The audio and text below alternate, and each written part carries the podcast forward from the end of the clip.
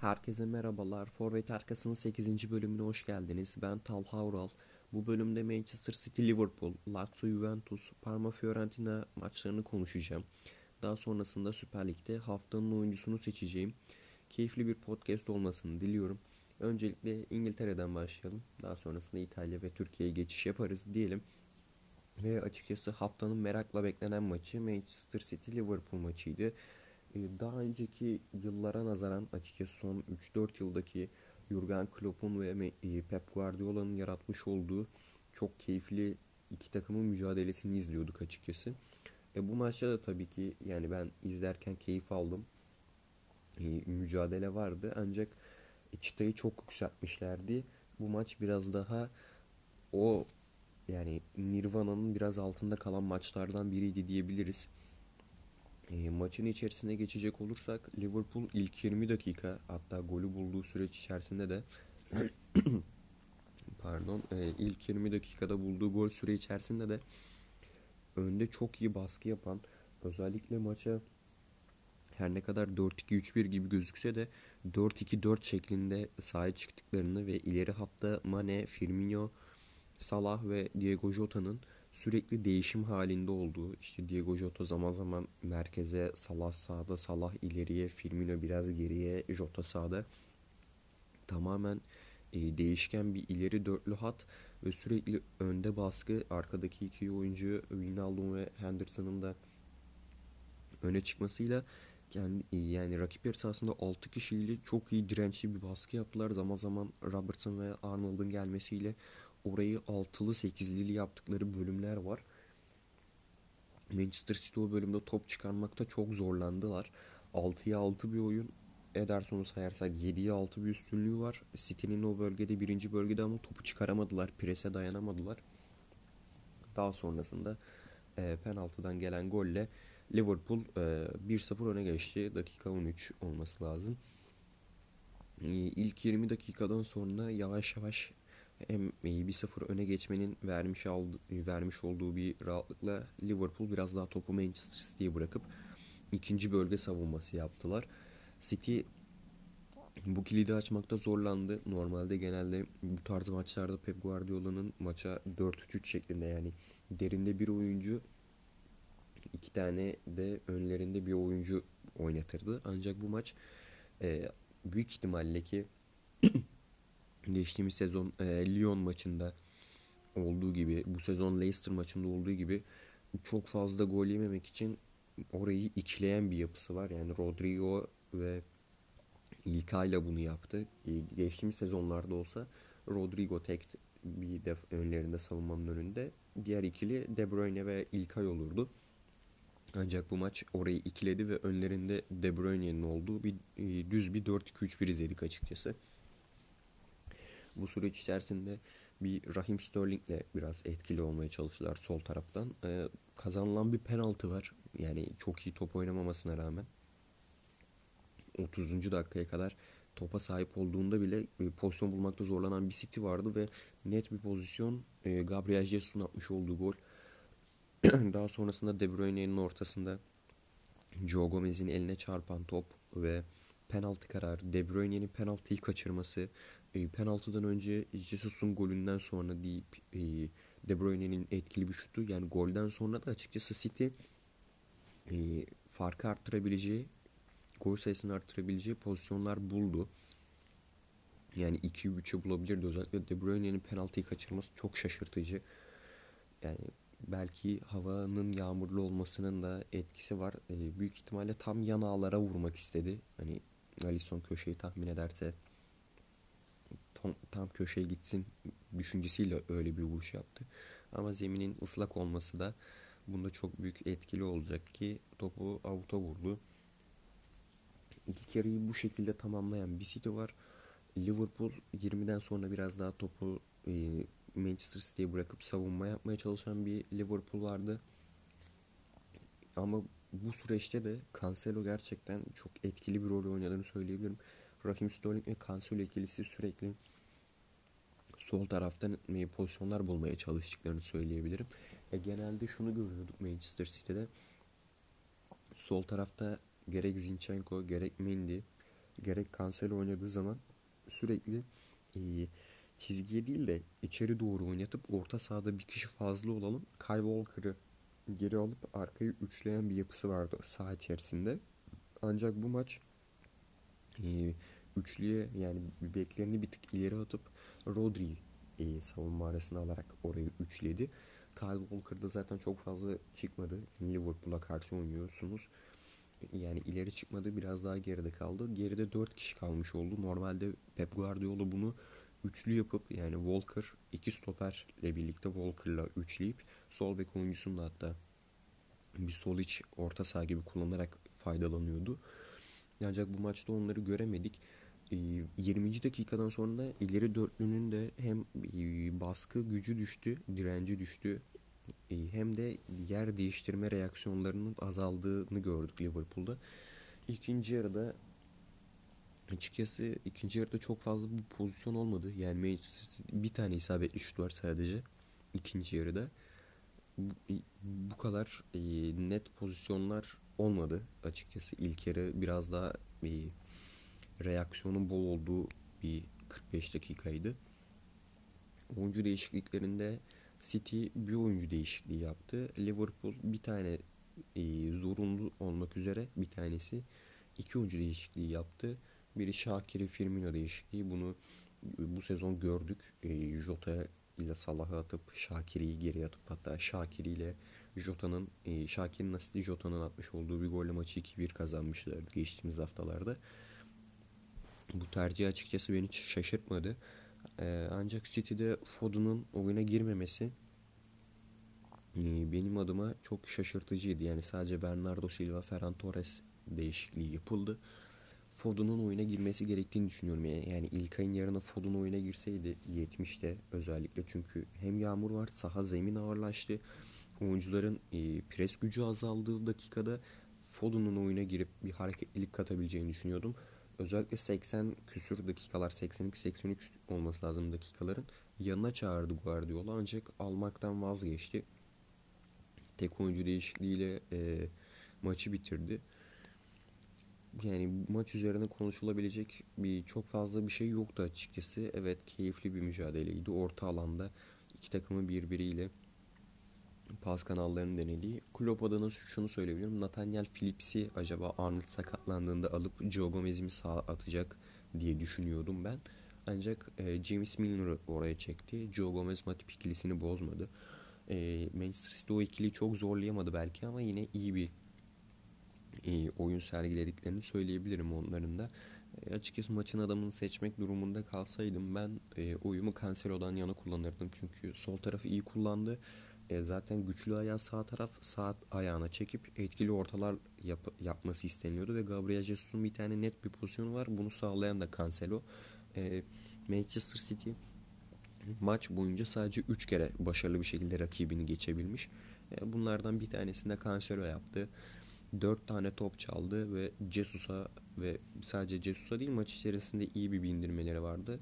Özellikle Jesus'a yapmış olduğu ortadan da dolayı savunma ve hücum anlamında e, benim e, maçın geneline bakıldığında maçın adamı olarak oyum Cancelo'dan yana.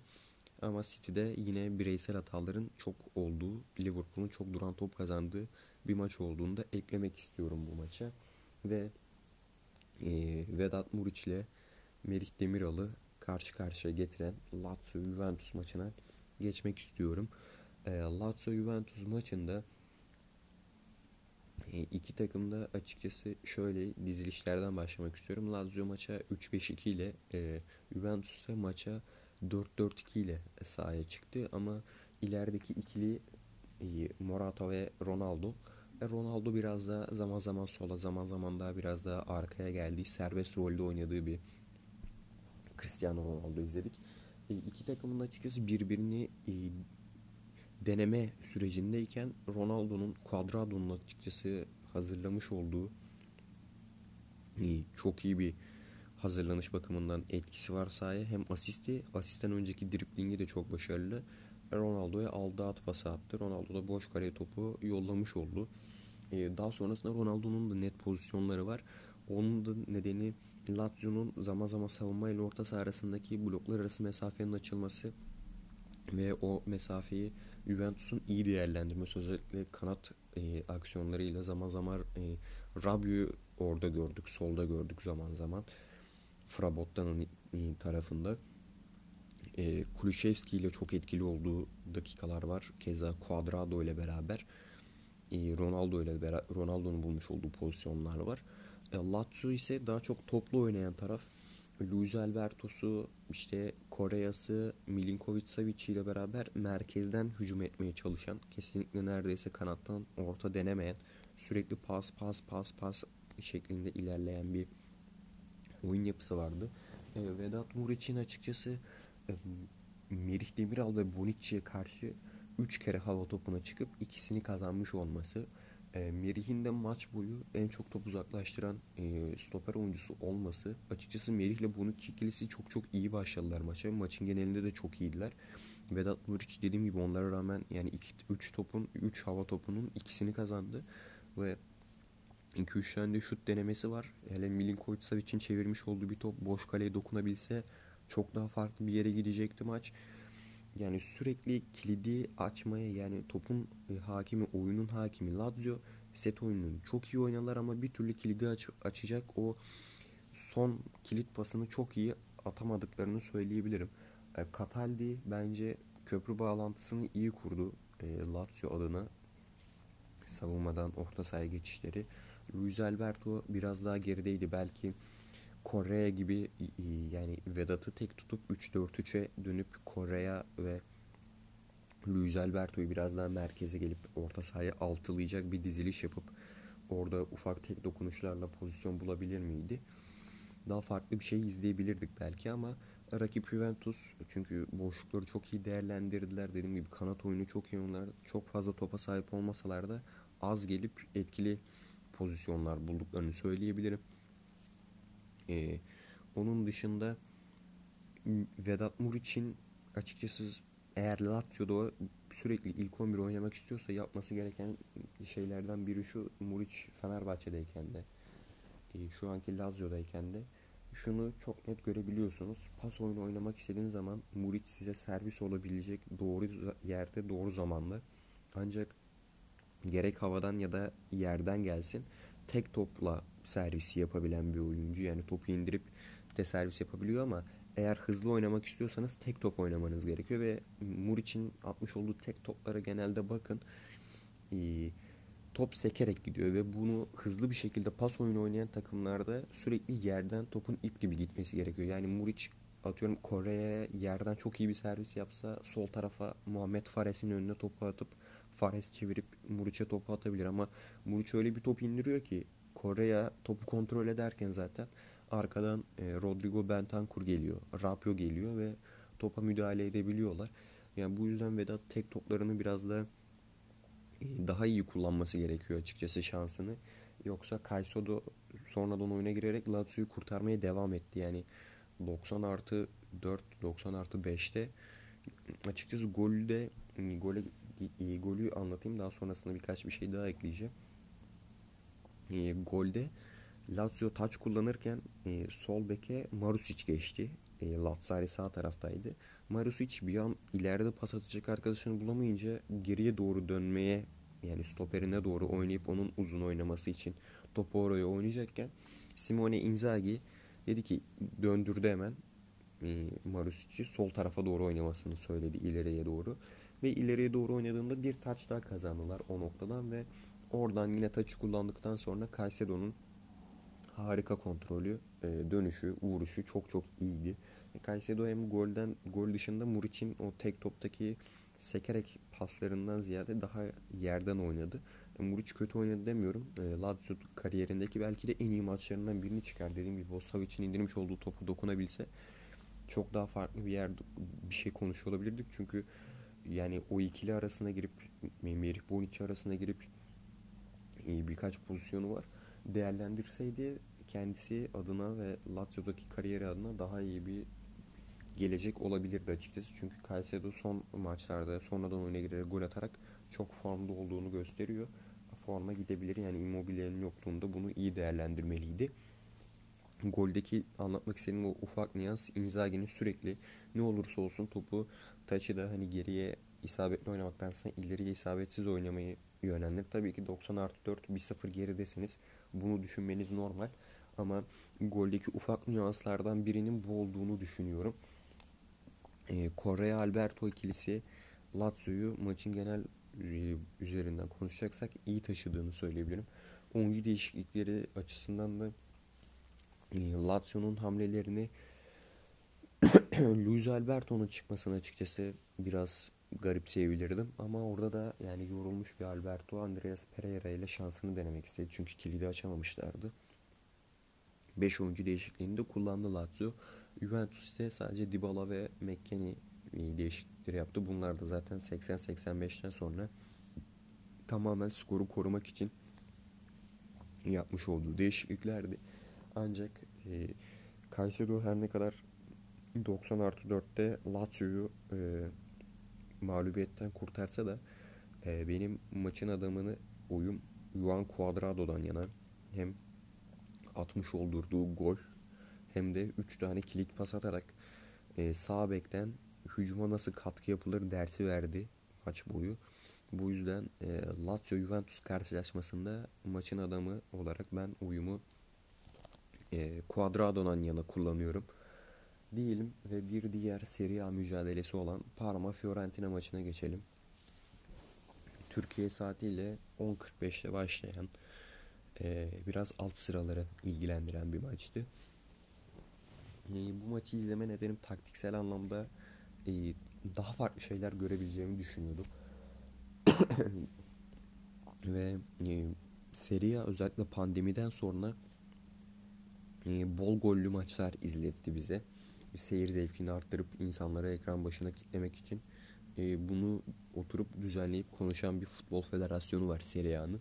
Daha çok nasıl gol atabiliriz diye pandemi sürecinde e, kulüpleri toplayıp böyle bir konuşma yapıldığını öğrenmiş oldum İtalya basınında.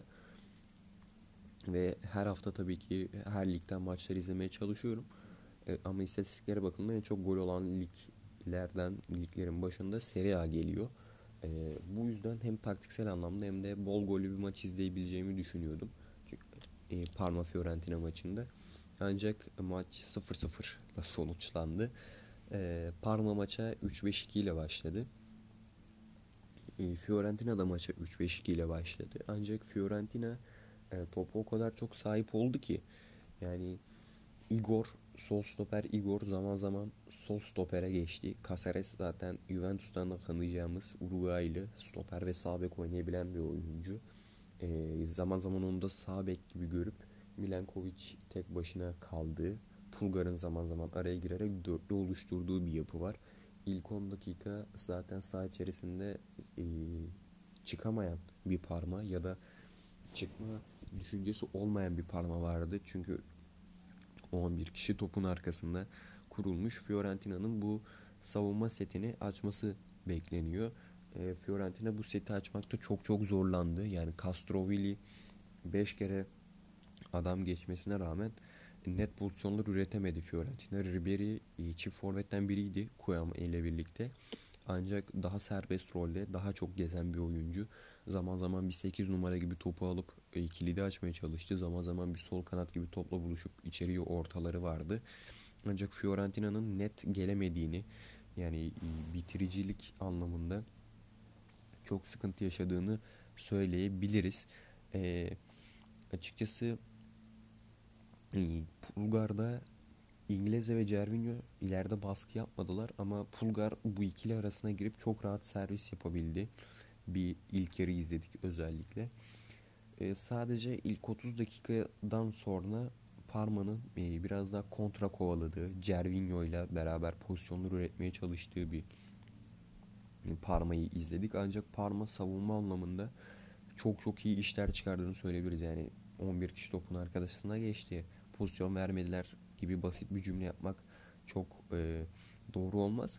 Maç boyu 29 kere top çalan bir Parma takımı var. Sürekli baskı, sürekli orta tempoda e, rakibi kaleye yaklaştırmama adına iyi bir tempo vardı. E, İngilizce ve Cervinho da bu tempoyu biraz daha ayak uydurabilseydi daha farklı şeyler izleyebilirdik. E, zaten ikinci yarının başında İngilizceyi oyundan çıkardı. Karamoho oyunu aldı. E, bunun da açıkçası biraz daha kontra kovalamaya yönelik bir hareket olduğunu düşünebiliriz. Çünkü ilk 30 dakikadan sonra son 15 dakika ilk yarıda özellikle İngilizce'nin hava topu indirip Cervinho ile kontra bulmaya çalışan bir Parma'yı izledik. E, ama onun dışında evet çok baskı yapan bir Parma var. Ama 4-5 pas üst üste yapamadılar. Yani hem savunmada hem ikinci bölgede bunu yapamadılar ya da oyun anlayışı olarak bunu istemedikler, istemediler. E, Kuçka'yı çok beğendiğimi söyleyebilirim Parma'da. Çünkü yani 10 tane top çalmış. İstatistiklere de bugün baktım. Maç sonrası daha doğrusu. E, bugün de tekrar baktım. 10 tane top çalması var Kuçka'nın. 29 top çalan bir Parma'da neredeyse 3'te 1'i kadar top çalan bir Kuçka gerçekten orta sahaya iyi bir dinamizm katmıştı. E, ama sol tarafta Petzella gerek sağ tarafta Grassi etkili mücadelelerini gösterdiler. E, Fiorentina'nın genel anlamda bakıldığında orta üçlüsü Sofyan Amrabat, Erik Pulgar ve Castrovilli. Pulgar defansif bir oyuncu yani savunmadan top çıkarma konusunda usta. Sofyan Amrabat box to box oynamaya yönelik bir tek Castroville'den bir şeyler bekliyorsunuz. Ve Castroville dediğim gibi 5 kere e, başarılı bir adam geçmesi var. 8 denemede gerçekten iyi bir istatistik. Ama kilit pas yok yani. E, Ribery çok çok etkiliydi ama kilit pasla pozisyon bulabilme neredeyse yok diyebiliriz. Cutrone oyuna girdikten sonra biraz heyecanlanan bir Fiorentina vardı. Onun dışında dediğim gibi Parma'nın sürekli savunma anlamında beklediği Fiorentina'nın ise bu seti açmaya çalıştığı bir mücadele izledik. E, burada da Igor'u açıkçası çok beğendiğimi söyleyebilirim. Sol stoperde kesinlikle hatasız oynadı. E, sol stoper değil gerektiğinde sol iç orta saha, sol bek, sol kanat beki gibi oynadığını söyleyebilirim. Yani takımı hücuma çıkarabilmek için elinden gelen her şeyi yaptı. Pulgar da fena değildi. Yani kendi görevini yaptı en azından. E, 88 pas attı. 81'i isabetli bir tane kilit pası var. Yani Castrovilli ve Ribery'den beklediğiniz istatistik Pulgar'da var. Yani kilit pası özel, özelinde bakıldığında bu e, bunun dışında e, gol pozisyonlarının olmadığı bir mücadele izledik açıkçası Parma Fiorentina karşılaşmasında. E, Süper Lig'de gelecek olursak e, bu maçı böyle sonlandıralım. Süper Lig'e gelecek olursak 8. hafta sonuçlandı ve haftanın oyuncusunu seçmek gerekiyor. Açıkçası bu hafta diğer haftalara göre çok daha zorlandığımı düşünebilirim. Açıkçası bakıldığında belki çok net isimler yok. Ancak bir tarafta, iki tarafta da daha doğrusu sakatlıktan çıkan bir tarafta Nase Chatli, diğer tarafta Younes Belhanda. E, Nase Chatli diyorum çünkü Başakşehir e, kendi Instagram sayfasında Chatli'nin transferini açıklandığında sürekli Nase Nase Nase Chatli söylemesinden dolayı telaffuzunun böyle olduğunu düşünüyorum.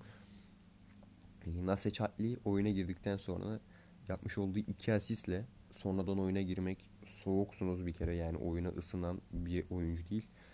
Sonradan oyuna girip iki asist yaparak e, takımının kazanmasında büyük rol oynadı. E, diğer tarafta Younes Belhanda atmış olduğu bir gol bir asistle Sivas deplasmanından 3 puanla dönmesini sağladı Galatasaray'ın. E, bu yüzden açıkçası haftanın oyuncusu olarak ben hem Nase Chatli hem Younes Belhanda demek istiyorum. Çünkü ikisinin de sakatlıktan çıkmış olması ve takımlarını 3 puanı kazandıracak derecede skora katkı sağlamalarından dolayı 8. E, Süper Lig'in 8. haftasında benim e, haftanın oyuncusu e, oyumu ben bu iki oyuncudan yana kullanıyorum diyeyim ve milli araya gireceğiz. İnşallah milli takımımız iyi sonuçlar alır. Ancak e, Uluslar Ligi'nin açıkçası benim gözümde çok fazla bir öneminin olmadığı bir alt kümeye düşmediğimiz sürece sıkıntı olmayacağını, e, resmi bir hazırlık turnuvası olduğunu düşünüyorum. E, bu bağlamda da Şenol Güneş'in çıkarmış olduğu kadroda da ufak bir şey eklemek istiyorum. E, sol bekte Caner Erkin ve Ömer Bayram büyük ihtimalle gözüküyor. Acaba diyorum e, çünkü Ömer sol bek oynamıyor maçlarda genelde orta sahada. Caner zaten sol koridoru çok iyi kullanabilen bir oyuncu. Acaba diyorum Şenol Güneş üçlü savunmaya dönüp kanat beklerinde Caner, Ömer Bayram, belki Deniz Türüç'ü deneyip farklı bir oyun yapısı bize izlettirecek mi diyeyim ve milli arada milli maçlar oynandıktan sonra bir sonraki podcast bölümümüzde buradan başlamak istiyorum. Hoşça kalın, iyi haftalar diliyorum.